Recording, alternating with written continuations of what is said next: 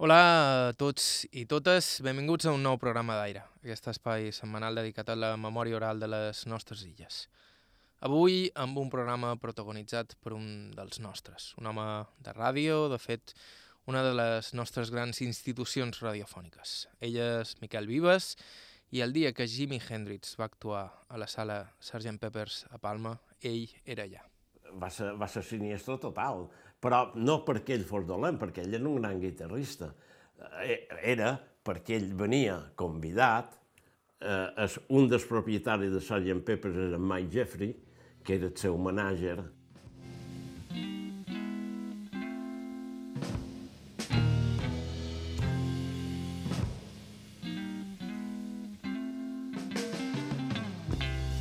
Va, va, venir en, l'experience, eh, en- en- eren tres, i va, va venir, van venir tots tres. I, però, però bueno, eh, eh, vine a Mallorca, eh, els va tenir una setmana a, a, a, un, a un apartament per, per Cala Major, a tot tren. Anaven a la playa, en lotes, en fi, tot. I bé, avui vespre han de tocar a la discoteca meva un parell de peces, en pla de, de, de còctel, no? Clar, en Jimi Hendrix va pujar a l'escenari i va començar a fer, a jugar amb la guitarra i fer quatre coses. Una vegada va fer així, va, el sòtil estava molt baix, era de guix, el va foradar, li va fer gràcia i va començar a fer-lo de foradar. Bueno, molt bé. Però musicalment allò va ser un siniestro total, però no per dolentes, perquè ell venia, eh, no venia a fer un concert, venia com, eh, com si ara vengués i arribàs aquí de dins i estan altres dos, ara vos tocaré un parell de peces. I eh, això va ser el concert de Jimi Hendrix, no va ser una altra cosa.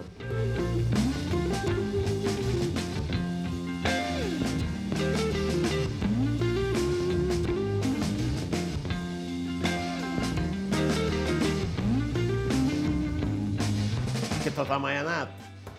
Tothom hi ha anat. I mira, mira, no, i enhorabona per la sinceritat, perquè tothom va anar a veure en Jimi Hendrix. I a dins la sala, a Sgt. Peppers, no hi, no hi havia més que...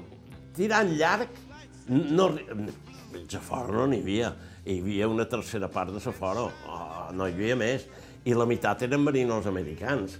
I l'altre eren eh, lli- eh, músics que s'havien pogut escapar, eh, músics del barco, de totes aquelles discoteques que un moment determinat, pum, venien a veure un moment en Jimi Hendrix. O sigui, i ara tothom ha anat. O sigui, si és vera que tots els que diuen que han anat fos vera, Sgt. Peppers, que estava un sòtano, s'hagués esbocat per avall encara.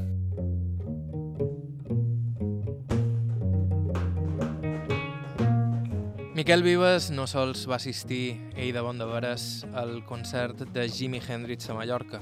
Ell també va viure en primera línia uns anys en què la ràdio regnava entre els mitjans i en què la música pop posava banda sonora en aquell país que començava a expulsar-se de l'espatlla tota la caspa del franquisme.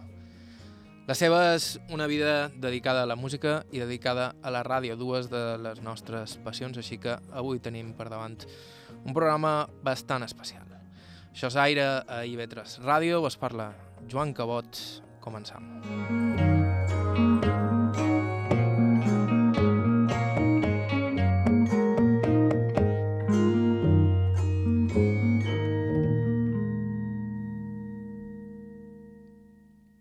I començam a Calador, on entrevistam Miquel Vives. Ell mateix es presenta. Em dic Miquel Vives Martí, vaig néixer el 15 de juny de l'any 1935.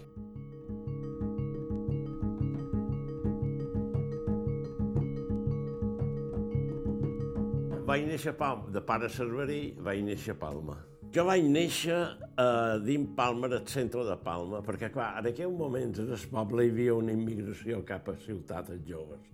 Els joves en aquells moments de la postguerra pues, eh, no tenien generalment eh, molta de cosa i, i molta de gent se n'anava a Palma a viure i a fer feina. I mon pare se'n va anar de Palma, se va posar de xòfer amb un metge i després se va fer taxista.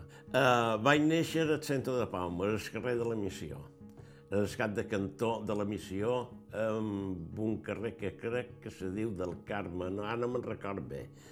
o dels Horts, eh, Missió i Horts. I, I quan tenia 6 o 7 anys estava una mica delicat i els metges li van dir a mon pare i mon mare que necessitava un clima una mica més sec, fora de la ciutat, i vam anar a viure eh, a, a, un, a, una, a un barri que no era barri, era, era camp, que se deia Som Pisà. Som Pisà era una possessió que estava allà on està ara eh, aquell edifici a la plaça Madrid, aquell edifici tan, gran, tan alt que va fer la Caixa.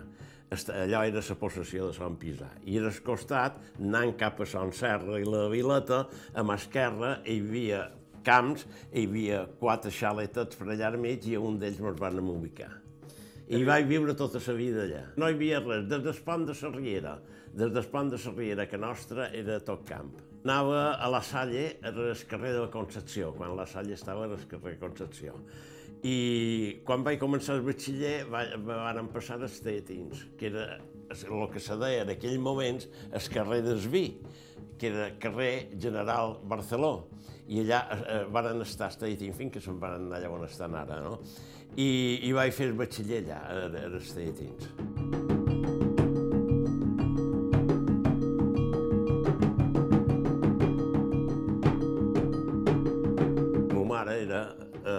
Ama de l'hogar, que diuen. El meu pare era taxista, era taxista Palma, número 60. Va ser dels primers xofers que hi va haver a Mallorca eh, en els primers cotxes. En quant a taxis, crec que no, que ja...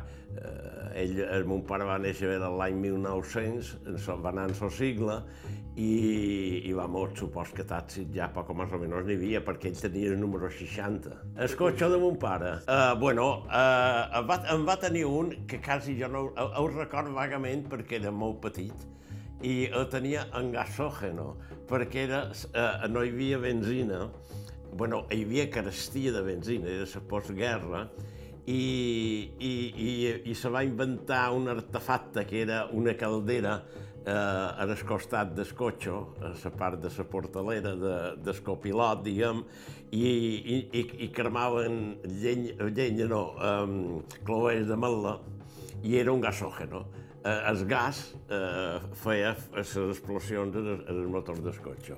I el primer, eh, el primer que record era un Citroën de l'any de la pare i, i anava en gasògeno. Després ja va tenir un Fiat i ja, ja, ja era un cotxe poc, poc més o menys potable.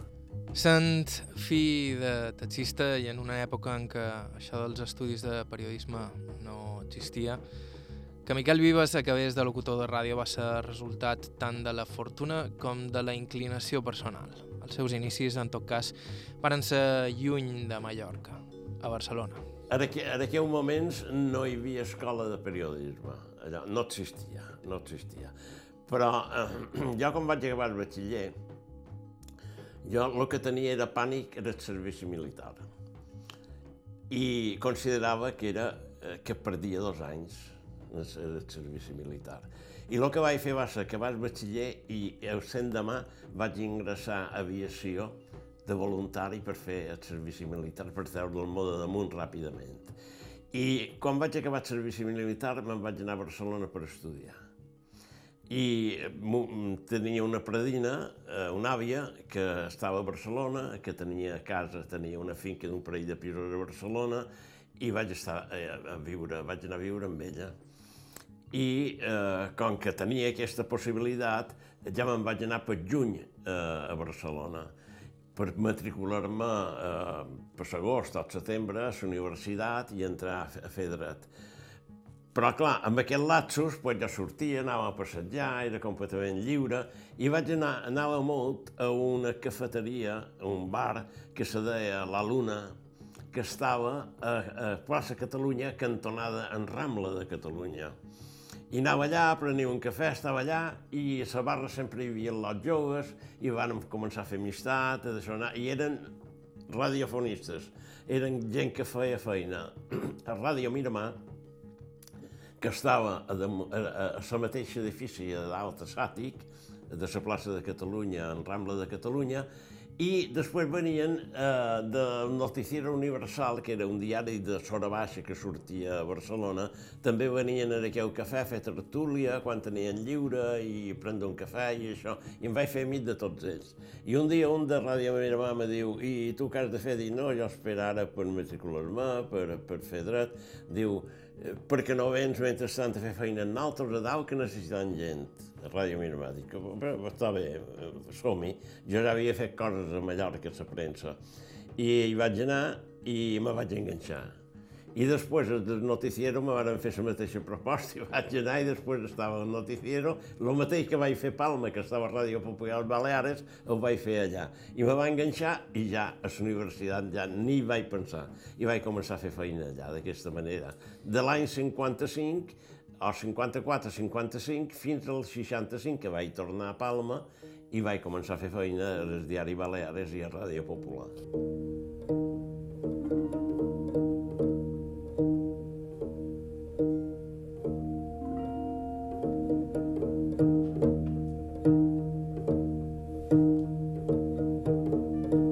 Hi havia una revista que se deia Cort i, i jo des de Barcelona enviava cròniques a, a la revista. Eh, fins jo a, a, Barcelona feia molta de feina en, en l'ambient musical i enviava entrevistes en els cantants d'aquell moment, els artistes, en tota aquesta gent, no? I després, eh, a la Ràdio Popular, hi enviava eh, cintes gravades amb entrevistes també de, de tota aquesta gent per mitjà d'un amic meu, que ja és mort, sigui, sí, que era en Sant Duasso, en Santa Eulària, Manolo Santa Eulària, que tenia un programa Ràdio Popular i jo li, li anava enviant reportatges, li anava enviant entrevistes i coses d'aquestes. I clar, quan vaig venir a Palma, pues, i a les Balears també li enviava articles i, i, i coses. I quan vaig arribar, vaig venir a Palma perquè ja tenia perquè ja havia parlat amb ells i ja, ja, ja venia col·locat, no? Perquè jo a Barcelona estava estupendament bé, un pis al centre de, de, de Barcelona, eh, feina, i, i, i casat, dues filles que ja tenia i estava bé. Però la meva dona catalana li agradava molt Mallorca. I jo també, eh, cada, cada mes, almenys un fi de setmana, veníem a passar a, a, a, a, aquí a Mallorca a part de les, de vacances, que també hi veníem, no? I quan li vaig dir a la meva dona, i si anàssim una altra vegada a Palma? Fet, fet, vinga, anem, anem. I varen agafar les maletes i cap a Barça, quan varen tornar a i vaig començar les Baleares i la Ràdio Popular. En quant a Ràdio Popular, jo venia amb un bagatge de molta experiència de la ràdio que se feia a Barcelona, que era una ràdio viva, dinàmica, hi havia un professional fantàstic, i no vaig fer més que seguir l'estela que m'havien marcat a Barcelona, ni més ni menys, o sigui, no vaig inventar res jo. Potser no va inventar res, o això diu ell, però l'èxit de Miquel Vives va ser innegable, sobretot gràcies a un tipus de ràdio dinàmic i desenfadat en què sempre comptava amb la implicació dels oients. A, a premsa tu saps exemplars que tira cada, cada diari, i poc més o menys saps la gent que te pot eh, potencialment llegir. Però en ràdio era una incògnita. I, i jo també, també tenia la preocupació de dir, bueno, jo ara me fico dins de locutora i faig un programa i, i qui m'escolta? Una persona, 10, 15, 1.000... I el que feia jo era, tots els meus programes que podia era utilitzar moltes telèfons i cartes. O sigui, que en un moment determinat eh, sortear un disco, m'havien de telefonar, m'havien de dir alguna i bueno, i la gent responia molt se col·lapsava pràcticament la deixona. I en quant a cartes, en rebia un promig de 50 o 60 diaris. Tenia tres programes diaris per això, però bueno, en rebia. Inclús hi ha una anècdota que un dia el director me va cridar al despatx i me va dir, escolta, Miquel, eh, ha vengut la policia i mos ha demanat si havien entrat lladres robant mos. I, I jo dic, quina que ve això? Diu, no, perquè a la vora que teva, en el solar del costat de que teva, en aquell moment jo vivia en aquell barri jo mateix, però en, en, el, en el carrer Pasqual Ribot, eh, a, a 100 metres de la gasolinera que hi ha ara, no? I, i allò també hi havia, encara hi havia solar en aquell temps.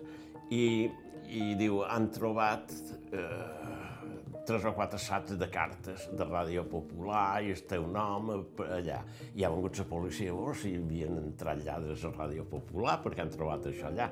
Dic, no, no, no, dic que jo les cartes us m'enduc a que nostra, el vespre us op, us hi pec una mirada per damunt, per quatre puntes, per contestar, i, i, i us retir, quan entenc, moltes, el retir en el contenedor de, de baix de que nostre, i es veu que els lots, o qui sigui, va anar, ho va treure, ho va escampar, i a veure què era, i hi havia eh, cartes per tot arreu desparramades per allà. Dius això, diu, ah, bueno, us hi telefonaré i diré que és això. D'acord. I ser una estrella de la ràdio en aquells temps era ser una estrella de bon de veres. Parlam del que era el mitjà de comunicació més important d'aquell moment. S'escoltava molt la ràdio, s'escoltava molt la ràdio, sobretot jo, per exemple, que t'he de dir jo, eh, una hora baixa que havia de comprar unes sabates, sortien la dona, anàvem per ser sindicat, que Sant Miquel, entràvem a una, eh, a, una, a una sabateria. Si era un dimarts o un dijous, que ja ho teníem gravat, perquè era per carta i ho gravàvem per no haver d'anar a l'emissora, doncs, pues, pum, la sabateria, allà on anàvem, tenien connectat Ràdio Popular i, i la meva dona deia, eh, tu, sí, sí, allà. O sigui que era, era, la ràdio era la companyera, i se comprèn, perquè si tu fas feina a la ràdio t'acompanya. No pot mirar la televisió, perquè si no, mal assunto, eh? Era Miquel Vives, una vida dedicada a la ràdio. Estau escoltant Aire, això és Ivetres. Fem una pausa i continuem.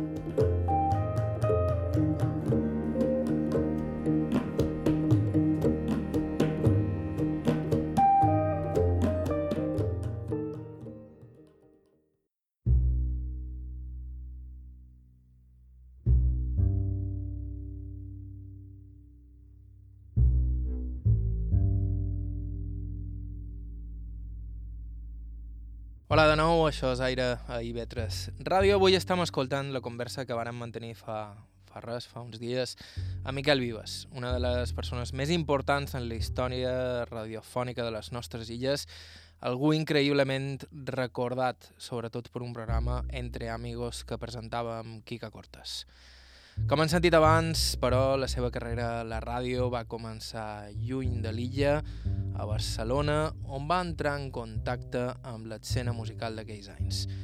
Una escena poblada per un grapat d'artistes que portarien aires renovats i marcarien tota una generació. De fet, aquesta també va ser sempre la passió de Miquel Vives, la música.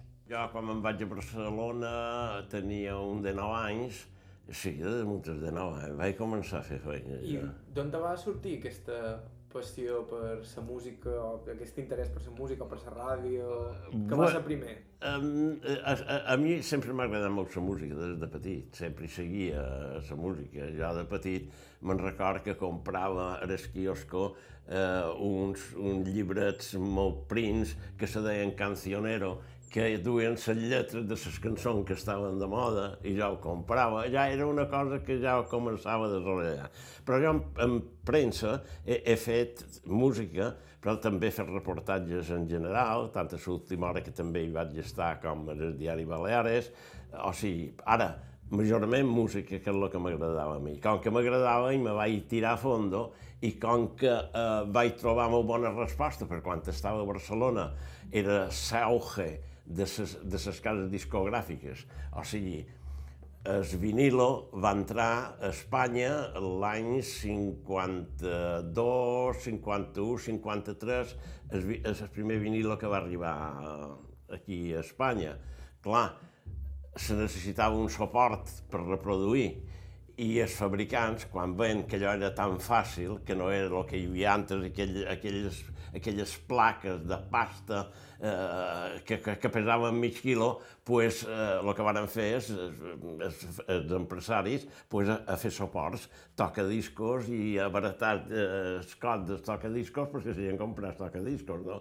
I, i, i, i clar, jo vaig coincidir l'any 55 que vaig arribar a Barcelona, o 54, que feia un any o dos que ja hi havia vinilos, i que la gent ja comprava vinilos, que ja tenia tocadiscos, i, i, i va ser l'auge de les de ses cases discogràfiques, perquè abans El vinilo eh, va sortir l'any 48, la RCA, l'omplenc de RCA en vinilo va ser el 48 i l'any següent CBS, la Colòmbia Americana, va treure el, el, single o CP de, de quatre o de, o de cançons. I, clar, eh, gent va començar a tirar-se la música per aquesta facilitat, els joves van començar eh, en les guateques que deien a la península, reunions que dèiem aquí, eh, que era el que s'ajuntaven a una casa de cada un i, i, i, i, i en dues gaseoses i, i una pinya feien una hora baixa de, de música els diumenges i ballaven i, i la música. I jo me va començar a interessar, a interessar, clar, van començar, només hi havia a Espanya en aquells moments dos segells discogràfics, que era la Colúmbia Espanyola i, i, i Semi. Uh, no, no, la Colúmbia Espanyola, ja, ara no, no sé si era CRCA, bueno, només n'hi havia dos, només hi havia dos segells discogràfics. Però en tres anys va sortir Sant Belter, va sortir eh, a Zafiro, eh, a Vergara. Varen començar a sortir segells discogràfics, que allò va ser, eh, vamos, un, un, un desenvolupament impressionant, no?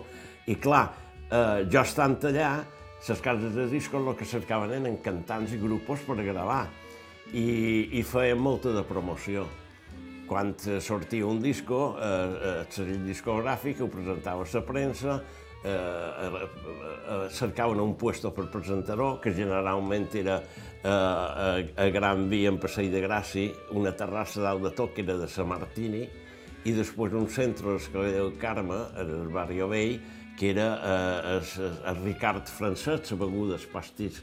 Clar, aquestes cases deixaven el local gratis, la beguda gratis, per la premsa que hi anava, per tot el que hi anava, i les cases de discos ho aprofitaven per fer la presentació allà. I clar, jo, i, me convidaven i anava cada vegada. I, i clar, feia reportatges per jo, per, per Barcelona, i aprofitava després per agafar i enviar-ho al Palma, eh, a la revista Cort, a Ràdio Popular i això. I això va ser el desenvolupament de, de la meva inquietud, diguem, o la meva vocació de cap, de cap, a, sa, de, de cap a la ràdio i, i de cap a la música. De fet, Miquel Vives s'especialitzaria en programes musicals, inventant nous formats, però sempre partint del mateix bessó, la seva passió per les cançons. Un dels programes que vaig, que vaig crear jo va ser eh, posar la cançó d'actualitat del moment i posar la cançó de, de que feia 20 mm, anys eh, que, que s'escoltava més a Espanya.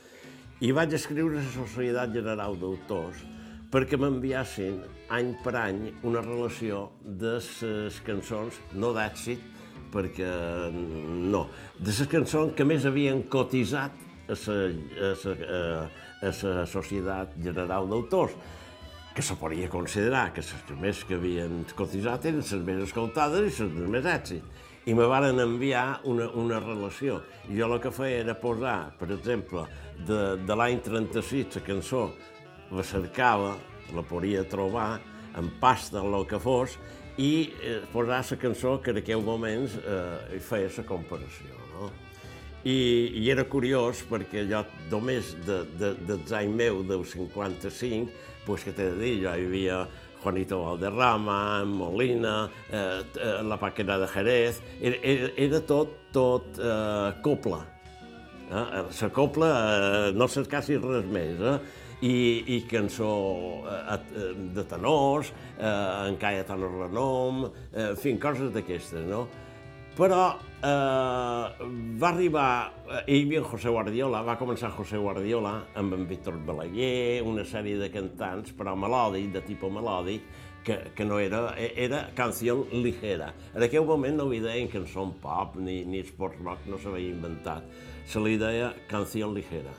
Vamos a escuchar música de canció ligera. Vale, d'acord, perfecte pues, eh, ell, eh, hi havia eh, el José Guardiola i tota aquesta gent que eren cançons melòdiques, però eh, un bon dia van sortir dos al·lotets que van ser duo dinàmico i que eh, la van encertar, que van cercar van cercar cançons eh, americanes de Everly Brothers i, i, i els van adaptar en lletra espanyola i van tenir un excitàs. I, I jo crec, jo, és una opinió meva, eh, la cançó pop espanyola va néixer amb el duo dinàmico, als anys 56-57, va néixer amb el duo dinàmico, perquè va ser un grup que a Barcelona va arrasar, eh, tota la gent jove i se va tirar damunt, va ser el primer grup que jo tinc notícies que va tenir un club de fans, i, i aquí va començar, va començar eh, obstruir des, des, des cançó pop espanyola. Eren els anys del franquisme. A posta van explosionar perquè van trobar un producte nou, un producte que us arribava, un producte que entre el producte i ells hi havia química i per tant va ser una troballa per ells i va ser una expansió amb ells. De fet, el eh, que hem vist de vegades eh, reportatges de Beatles, de, de, de Polanca, de tota aquesta gent, aquelles, aquells, aquelles nines joves de 16 i de 7 anys que cridaven, ploraven com que no se desmaiava. En, en, so, en so això va començar a passar. Clar, no sé si de fet natural o per un simple imitació de la cultura musical americana.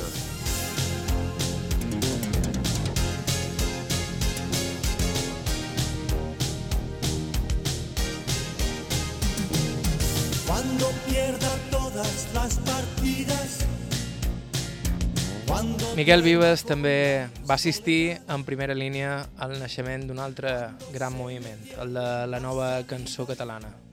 I va assistir per una d'aquelles caramboles estranyes que té el veïnatge. Jo vaig, vaig veure néixer la nova cançó catalana, perquè eh, eh, estava lligat molt amb l'empresa d'en Pedro Serra, que tenia Fiesta Deportiva, i, i, i també enviava eh, articles de deport des de Barcelona per Fiesta Deportiva.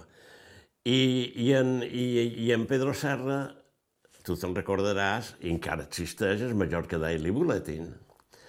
Un dia me telefona i me diu, Miquel, he de venir a Barcelona i he de parlar amb tu. Vale. Eh, va venir, vam anar a dinar, va parlar amb jo i me va explicar que tenia un projecte que era fer el Catalonia Daily Bulletin. Lo mateix, però edició per Catalunya. Conyo, Pedro, això és un, eh, és un feiner. No, no, no, no, la mateixa edició i una pàgina amb coses de, de, de, de Catalunya i, i, i la menxeta Catalonia Daily Bulletin. I si tu hauries de ser delegat aquí de tot aquest lío, dic, no, no hi ha cap problema, ho podem fer. I van agafar una oficina a unes galeries que se diuen les galeries, o se deien, no sé si existeixen ara, crec que sí, les galeries Faians, que té entrada per Passeig de Gràcia, fa un colzo i surt a Gran Via, lo que era entonces José, Avenida José Antonio, la Gran Via. L'entrada o la sortida per una part o per l'altra, segons tu com hi entrassis. I van agafar una, una, un, un despatx allà. I un bon dia tot toc que se porta un senyor, eh, me diu, eh, dic, que, passi, passi. Diu, miri, jo venc per presentar-me perquè som el nou eh, estadà de sa, de, de, del despatx que hi ha davant el seu. Estaré en aquesta, en aquesta oficina d'aquí davant i venc a presentar-me, que me conegui, si necessita alguna cosa, pues ja ho sap, estem aquí, dic, molt bé, i, i, i què posaran? Diu, nosaltres eh, hem creat un segell discogràfic exclusivament en llengua catalana. Dic, ah, estupendo. Diu, i se, se dirà Edixa. Vale, d'acord. I se van instal·lar allà. Ja, i van, teníem amistat. I allà, pues, dels artistes d'Edixa, eh, quan hi va arribar en Serrat, eh, en Joan Ramon Bona, venien al despatx, i us, va, parlàvem, anàvem a prendre un cafè i tal. No? Vaig tenir la sort de tenir Edixa davant. Clar, va, eh, tot el que feia Ditsa eh, modern i anava i, i participaven. O sigui que jo, els set de jutges, els vaig veure néixer. I, i anava a, a el teatre Romea, que cada diumenge de matí havien aconseguit per a fer un festival, bueno, un festival, una matinal de, de, de gent de, de, de, de Dixa i de, de, de de jutges, que ja van començar. Que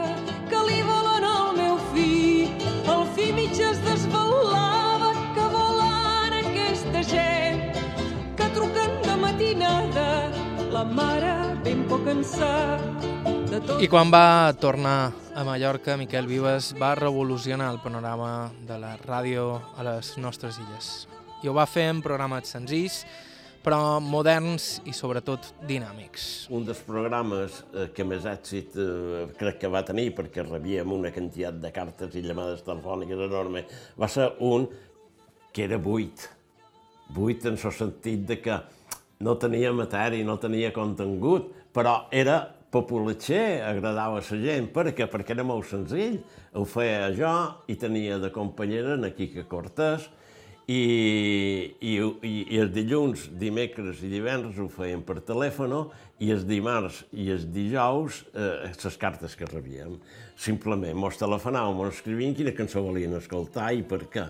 I nosaltres llegíem les cartes, en els telèfons parlàvem amb la gent i era un programa que no tenia res però, amigo, encara hi ha gent que de la meva edat un poc menys que encara entre amigos, eh, entre amigos. Dic, sí, sí, sí. Eh, que televisió té un que se diu entre amigos tan copiat, i va pensar. Això fa 50 anys. Però bueno.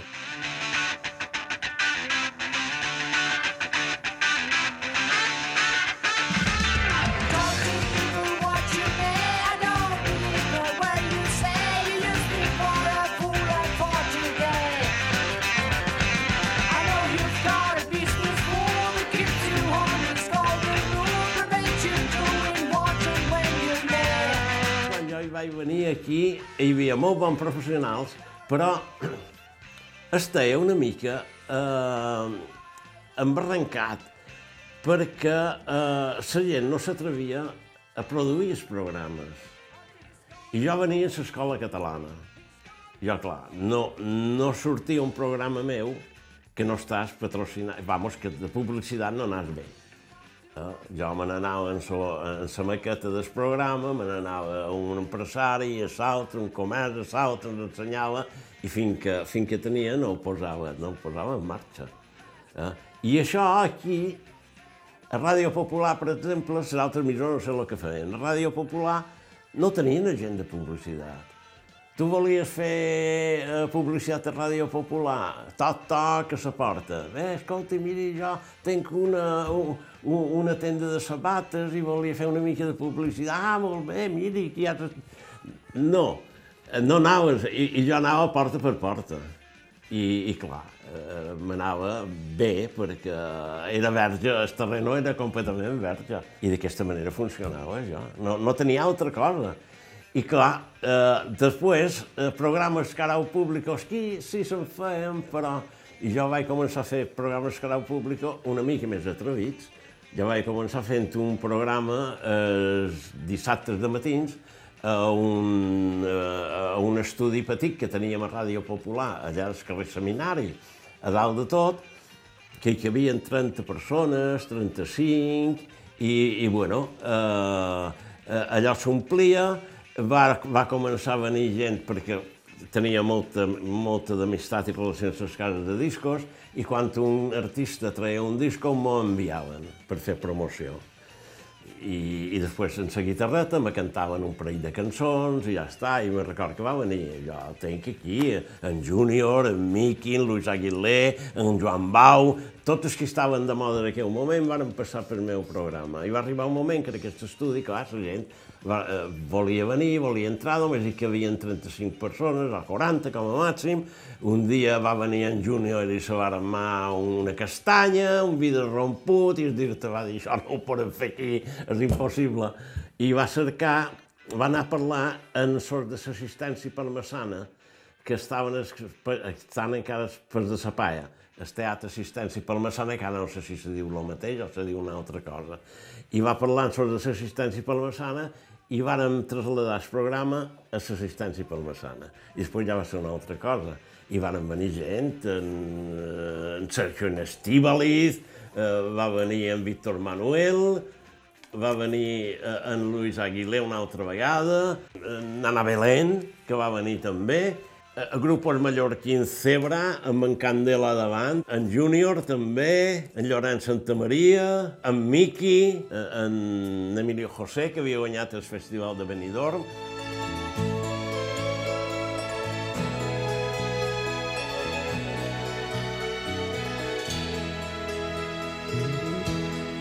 I tot això ho va fer en els anys del franquisme. D'aquí uns segons parlam de ràdio, música pop i censura aquí a Aire. Fem una petita pausa i continuem.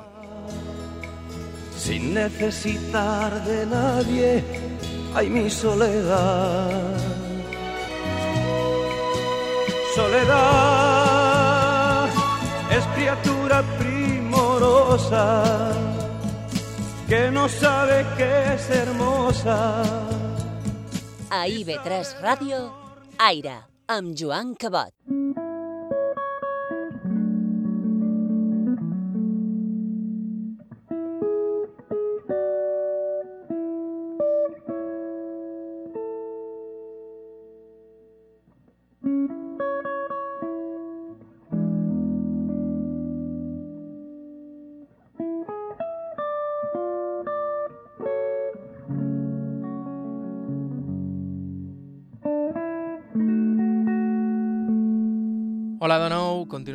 Sintonia de IB3 Ràdio, això és Aire, un programa dedicat a la memòria oral de les nostres illes, avui protagonitzat per una veu que ressona dins la memòria col·lectiva de tota una generació, la de Miquel Vives, un home de ràdio, apassionat de la música, de qui ja hem sentit un bon crepat d'anècdotes. Vives va desenvolupar la major part de la seva carrera professional durant els anys del franquisme, uns anys estranys per dedicar-se a la cultura pop, que sovint havia de fer cucabeles per evitar la censura. Però que tot i els intents del règim, la cultura pop i les cançons varen contribuir moltíssim a eixamplar les idees dels joves d'aquells dies. En Miquel vives entre ells. Jo eh, me va deixondir molt, o me va espavilar molt, el meu contacte amb els segells discogràfics. Jo eh, vaig agafar molta confiança amb ells, entrava al segell discogràfic com, com si fos que nostra, coneixia de, de botones el director, me facilitaven la feina, me duien a que nostra, m'enviaven tota la producció discogràfica, i, i bueno, eh, ell tenia molta, molta de relació eh, amb ells. Un dia, a, a dins del despatx del director, vaig veure un parell de revistes. Catchbots, Billboard, New Musical Express, i vaig dir, aquestes revistes, eh, us mos envien, us mos envien aquí, us tenim, i jo ho vaig fulletjar, i m'ha dit que me n'en pot dur una de cada, deu ser. Quan vaig ser que nostra, us ho vaig mirar, i, i allò era una mina de, de, de, de, de, de coneixements de, de, de, de la música mundial, perquè agafaves el Billboard, supos que tu ho coneixes, l'obries, llista d'èxits eh, de, de pop, llista d'èxits de, de rhythm and blues, llista d'èxits de folk, i, i, i, i veies noms que deies, i qui és aquest tio, i qui és aquest tio? I, i, i, i després jo vaig començar a escoltar una ràdio americana de les forces eh, militars europees eh, destinades a Europa d'Amèrica, que se deia Radio Liberty i retransmitien des d'una una emissora que tenien en el sector americà de, de Berlín. I ho feien perquè, amb una potència enorme, perquè entràs dins darrere el que deien en aquell moment, que molta gent no sabrà el que és el telón de acero, que era la separació del món occidental de l'oriental, o sigui, la part, diguem, capitalista i la part de, del comunisme. I clar, aquesta emissora eh, entrava per tot, i ho feien per propaganda americana a dins dels països comunistes i, i donaven discursos, eh, ideologia, i, però també música. I feien un programa musical que era allò, allò. Va ser la primera vegada que vaig sentir en Frank Sinatra, que no ho havia sentit mai. The end is near, and so I face the final curtain. I, i gent d'aquesta. I, clar, en, en Sobiluar vaig dir, conyo, aquesta gent tal. I, i va començar a despertar eh, l'interès ja per la música en general. I jo li deia a, a, a les cases de discos, deia, i, bueno, i què qui és? Pues no ho sabem, i han rebut els discs, perquè, clar, eh, hi havia ses, eh, ses, ses, sellos americans, cercaven distribucions, venien a Espanya, oferien els seus catàlogos, I clar, eh, la, que t'he dit, la Colúmbia Americana, millor l'agafava la RCA, eh, la UK d'Inglaterra l'agafava Belter, i cadascú agafava el seu catàleg, però no sabien què tenien dins les mans. I ho escoltaven, i clar, com que era una música tan diatralment oposta a lo que hi havia ara, no encaixava en so, en so, en so caràcter espanyol, i tenien raó, però no pensaven en la gent jove M'entens? I clar, jo m'anava, bueno, i, i aquest senyor que se diu Polanca, qui és? Ah, no ho sabem, cony, si té aquesta cançó que és Diana i, i, i que això ara els joves els, torna, els referir a tornar locos. Aviam, voleu demanar qui és aquest senyor? Ei, què han de fer? Eh? Escriviu el segell aquest de, de, de, de Capitol, i doncs, Capitol, que us envien una biografia d'en Polanca o d'en de, de, de, de, de Charles o de qui sigui, no?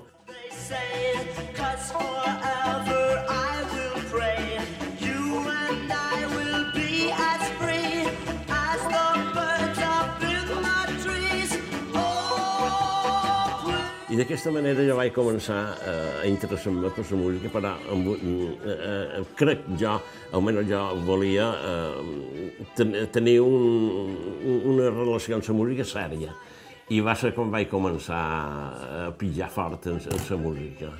I a més de la música, hi havia els viatges, el moment decisiu en què molts obrien els ulls i veien en perspectiva aquella Espanya enclaustrada i que es posa del franquisme.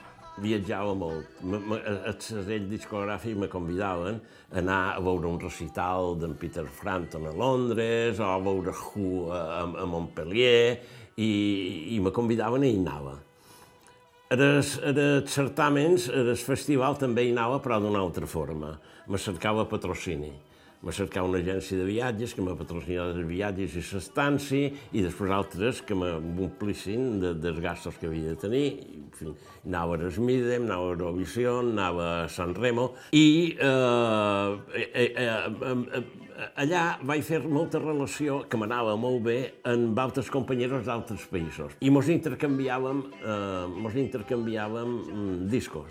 Clar, a mi m'arribaven discos que aquí no s'havien editat i que eren èxit, que eren el número 1, el número 3, el número 4 Billboard, tocats vots i això, i clar, jo els, els posava. Informació i turisme, cada mes ens enviava a l'emissora una relació que a millor hi havia 100 o 150 o 75 cançons prohibides. Hi havia la planilla que posava títol de la cançó, autors, cantants i per què se prohibia perquè explícitament eh, oh, que de manera sorleiada eh, es fer l'amor eh, sexual tal, i, i te posava. I hi havia que no te posava res. Jack Brel, prohibit. Va, prohibit, vale. I per què és prohibit el Jack Brel? Amsterdam, què diu Amsterdam? Eh, era un absurd. Per roig. Bueno, perquè perteneixia al Partit Comunista francès, encara que ell fos belga, nascut a belga, francès, i així, en Farlà, tot aquest gran embrassants i tota aquesta gent, prohibits aquí. Per què? Pues per això. Sin embargo, passaven, eh, passaven eh, cançons de, de, de, quan van començar a sortir de status quo, Who i tota aquesta gent, que les lletres, vamos, els escoltaves i deies, tio, menys mal que informació i turisme d'Inglés no en saben ni punyetera idea, perquè allò era, allò era bestial, no? I era la contraposició. Eh, jo, per exemple, havia d'entregar a la direcció de l'emissora tots, tots els discos que havia de posar al cent de mà en els meus programes. I això és de matí, eh? a les 9 del matí perquè les 12 botones anava a la Delegació d'Informació i Turisme a que revisassin tot i mirassin si n'hi havia cap de prohibida, que nosaltres ja ho sabíem perquè tenien les planilles, però per si a cas... No. I clar, venien botones i veu millor una tatxada, una altra tatxada, i ah, vale. I, i, i, i, i, o sigui, que havies de presentar la llista de discos 24 hores antes de que tu els posassis. Però després feies cas de... No, jo, jo, jo, mira, jo, uh, mira, vaig ser una mica, uh, una mica jeta perquè estava a l'emissora de l'església.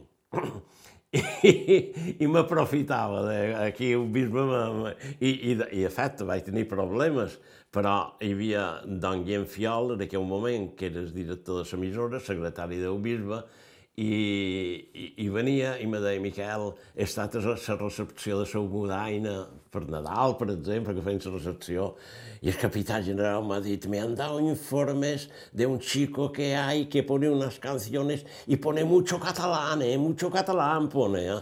Miquel és alerta, ja, doncs ja, ja, ja, no se preocupi, no se preocupi. Jo, com me vaig donar compte de la realitat de la música i, i, i de lo que era el país, va ser quan vaig començar a sortir fora. Quan vaig començar a sortir per Inglaterra, per França, per Itàlia, me'n vaig donar compte de com estàvem aquí a Espanya en tots els, vamos, en tots els, en tots els estats, tant musical com, com, com, com socialment, com tot allò. Era quan, quan, sorties a l'estranger, per jo, e, e, era descobrir un món. Què era el que més te sorprenia?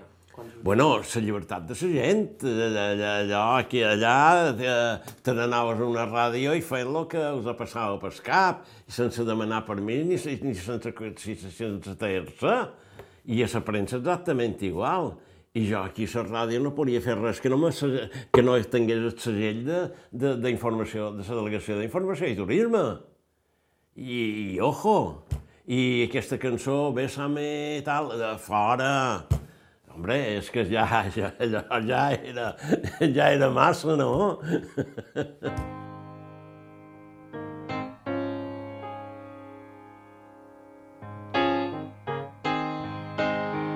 vaig fer feina de l'any 65 que vaig tornar a Mallorca fins als, eh, fins als 75, 76, una cosa d'aquestes.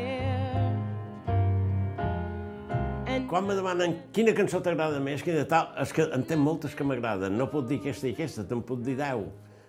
Per exemple, una de les cançons que més m'agraden és una de la Carol King, Tens un amic Uh, no, entenc que altres se m'agraden, però aquesta especialment sempre ho record. Mm, artistes, els que més record, perquè me van impressionar, són tres. Natina Turner, que damunt l'escenari és el que no te pots imaginar, o era, però era, era un volcà damunt l'escenari. En el Who, que me van sonar com si estàs a dins que nostre sentint per estèreo el seu disco, impressionant, i en Peter Frampton. Són els tres que, dels molts que he vist, els tres que més, no els que més m'agraden, però els que més m'han impressionat, com a músics i com a concert. I